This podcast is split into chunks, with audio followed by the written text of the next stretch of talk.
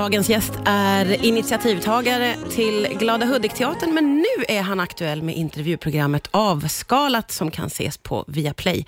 Välkommen hit Per Johansson. Tack så hemskt mycket. Du, hur länge har du drömt om att få göra den här typen av talkshow? Alltså, jag tror jag har drömt om det sedan jag var tre år Oj! gammal. Ja, Nej, ja då, då är det alltså i 49 år.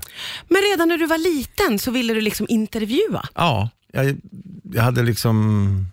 Jag, vill komma in till människor och förstå varför de hade blivit som de har blivit. Och sen vill jag försöka förstå omvärlden och någonstans är det att jag försöker förstå mig själv. Ja. Är det det som är dragningen till att vilja liksom prata med folk? Ja, men alltså, jag är genuint intresserad av människor och eh, jag är genuint intresserad av historier.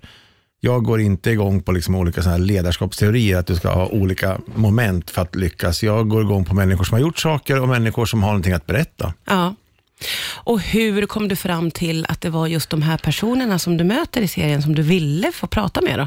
Jag tyckte att de var intressanta. Jag tyckte att de var personer som jag skulle vilja ta del mer av och så fick jag ju vars, jag vart varse när jag intervjuade dem att eh, de är ju så olika, fast ändå lika. På vilket sätt då menar Ja, du? men alltså, alla har ju sina livshistorier. Alla har sina egenskaper och alla har sin egen resa. Och man tror ju att kändisar är liksom ett viskrå, det är liksom, de är perfekta människor, de syns och så här. Men Mm alla människor bär på en historia och just det, det är historien jag är intresserad av att ta fram. Ja. Du är ju inne på någonting där, för eh, med kändisar så bildar vi oss alla ju en uppfattning om dem. Eh, och det kanske också följer med en del fördomar i de där uppfattningarna som vi bildar. Du vill ju gärna liksom skaka om eh, just vad gäller fördomar. Varför då? Därför att fördomar är det som ofta föder utanförskap och det föder hat. Och jag vill ju påvisa liksom att fördomar kan bekämpas vid ett mänskligt möte och att man kan prata med varandra. Och mina barn brukar säga att pappa, hur kan du jobba med fördomar? Då är jag mest själv. Så jag, jag är inte fördomsfri. Men jag Nej, vill, vem är det? nej, och, men det är lätt att säga det. Och jag vill, jag vill försöka bekämpa dem genom att det här är samtalet. Ja. Och vilka fördomar har du själv råkat ut för, tycker du? Nej, Att jag är så otroligt fantastisk för att jobba med människor med funktionshinder. Men är, men är du inte det nej, på ett nej, sätt? men då? jag, nej, men jag är människa som alla andra. Jag har jättemycket fel och brister. ja. Och jag, jag, jag liksom, alla säger bara, men gud, du jobbar med dem. ja. Men i själva verket är det de som får mig att leva mitt liv på högsta volym varje dag. ja, du känner att du har blivit lite satt på en piedestal Ja, på något sätt. Och det, det, det tror jag liksom är, men det är lätt att när man jobbar med människor som är svaga, att man gör en, en insats. Men jag vill inte att man ska tycka synd om människor, utan man ska tro på dem istället. Ja, ja. Så det, ibland så kan jag bli trött på mig själv som person. Att det, det är inte så fantastiskt. Men vi ska fortsätta grotta i dig som person, det gör vi strax här. Riks FM. Idag gästas jag av Per Johansson som är aktuell med intervjuprogrammet Avskalat som kan ses på Viaplay. Eh, du är ju, nu känner jag på mig att du kanske inte vill att jag lyfter det här, men du är faktiskt prisad för dina ledaregenskaper. Ja. Har du haft en fördel av det när du har jobbat med det här intervjuprogrammet? Nej, jag vet inte. Alltså, det, det är olika typer av ledarskap. Alltså, jag, den, den största fördelen jag har det är liksom att jag är nyfiken. Ja.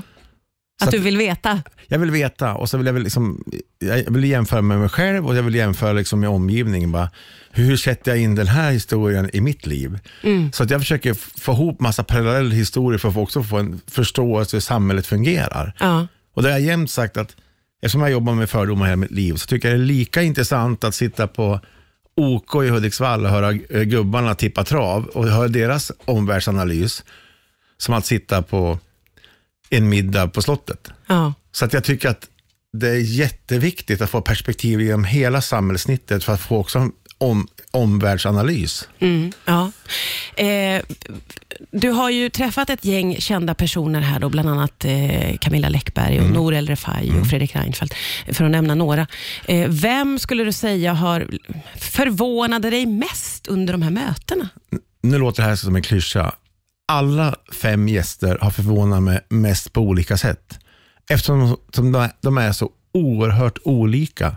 Ja, Och jag märkte när man pratar om, om deras jobb, då är man väldigt självsäker. Men när man går på personen, mm, då tar det tag innan man öppnar sig. Och därför var det viktigt för mig också att jag liksom var ödmjuk inför deras berättelser och, och liksom lät dem prata till punkt och att de fick faktiskt berätta om sina historier mm. så att man fick hela bilden.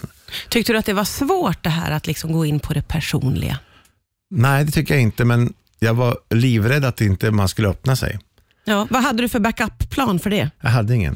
Nej. Nej. men jag brukar inte ha någon plan B, för då, då tycker jag att det blir så tråkigt. Men det, det jag ville var att jag ville vara påläst. Eh, Jag tror att jag var det inför varje program. Jag ville känna att de skulle känna en trygghet och jag ville att, liksom att man skulle förmedla en känsla om, om hopp.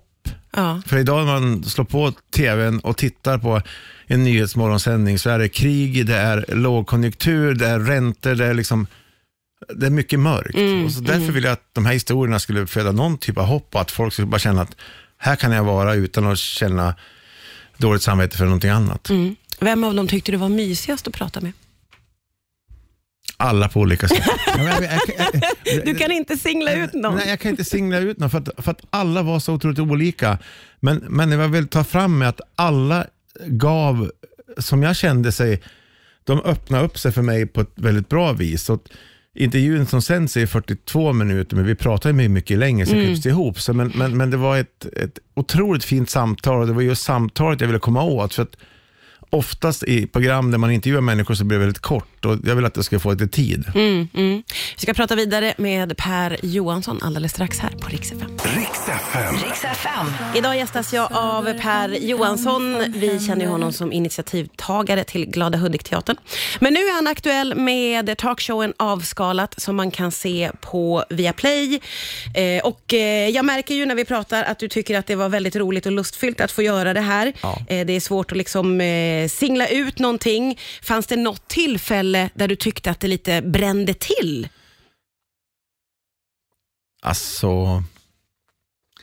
Ja, när Nor, när jag, när när jag frågar vilken, eh, vilken, vilken eh, typ av roll jag skulle ha i Nors film. Ja. Jag kommer ihåg, jag, jag fick ingen så här glimrande roll. Jag var någon så här, som sprang in i ett hus och taket föll ner. Så jag, var, jag tänkte jag skulle vara så där, typ Kevin Costner Dansa med vargar eller Tarzan, men, men det Ja. var inte så. Hon såg inte dig på det sättet? Per? Nej, jag tror inte hon såg att jag hade de talangerna. Nej, men du själv kunde se det? Ja, alltså man drömmer ju alltid om att liksom göra den här äh, drömrollen eller drömmer om att få den här rockkonserten inför ett fullsatt Wembley. Ja. Men det, det är liksom, jag tror drömmar håller en vid liv. Liksom. Ja, ja men verkligen. Men för, har du fler som, för jag uppfattar att det här eh, har varit en dröm som du har haft och nästan sedan barnsben, att få intervjua på det här sättet. Finns det fler sådana här drömmar som ska levas ut? Nej, alltså ju äldre jag har blivit, ju mindre drömmar har jag. Är det så? Ja, och, och det tror jag har med liksom att jag får klart för mig att, att man inte kan leva om livet. Så jag vill leva bara nu. Och så, alla ska säga bara så här, när du har gjort den resan då, men hur vet jag att det blir bättre då? Så att vad jag säger liksom att jag gör någonting nu, för att jag hela mitt liv fått hört att vänta på rätt tillfälle. Och jag vet aldrig när tillfället var rätt. Nej. Så alla säger bara, vi gör det här i november. Ja, men varför då? Ja. Ja, men det kanske är bättre då. Nej, jag säger bara, gör det nu. Oj, men lever du så själv också då? Att du försöker, får jag en försöker, idé? ja, ja, ja, jag gör, alltså, när jag får en idé, då testar, trycktestar den direkt. Ja. Och sen, sen så, men jag är nog ganska otålig och ibland när jag kommer med idéer och får igenom dem så är liksom resan fram till genomförandet viktigare än själva utförandet. Ja. I det här fallet så, så vart det, ja, men det, var, det var, var väldigt mysigt. Alltså det var väldigt komfortabelt. Man kände sig som i en frizon när man fick sitta och prata med de här människorna. Jag har lärt mig väldigt mycket om det och det, det är så jag liksom har byggt allt det jag jobbar med. Att möta människor liksom är grunden till allt. Mm. Finns det drömpersoner om du skulle få fortsätta att göra Ja. den här talkshowen? Men den här personen är död. Ja, det blir jättesvårt. Astrid Lindgren är min stora idol. ah, det är drömmen. Ja. Ja. Hon var ju en, en stark kvinna som vågade också yppa ADHD för att jag tycker Pippi Långstrump är klockrent. Hon var ju långt före sin tid och Mm. Tycker hennes typ av berättande är någonting som binder mig. Ja.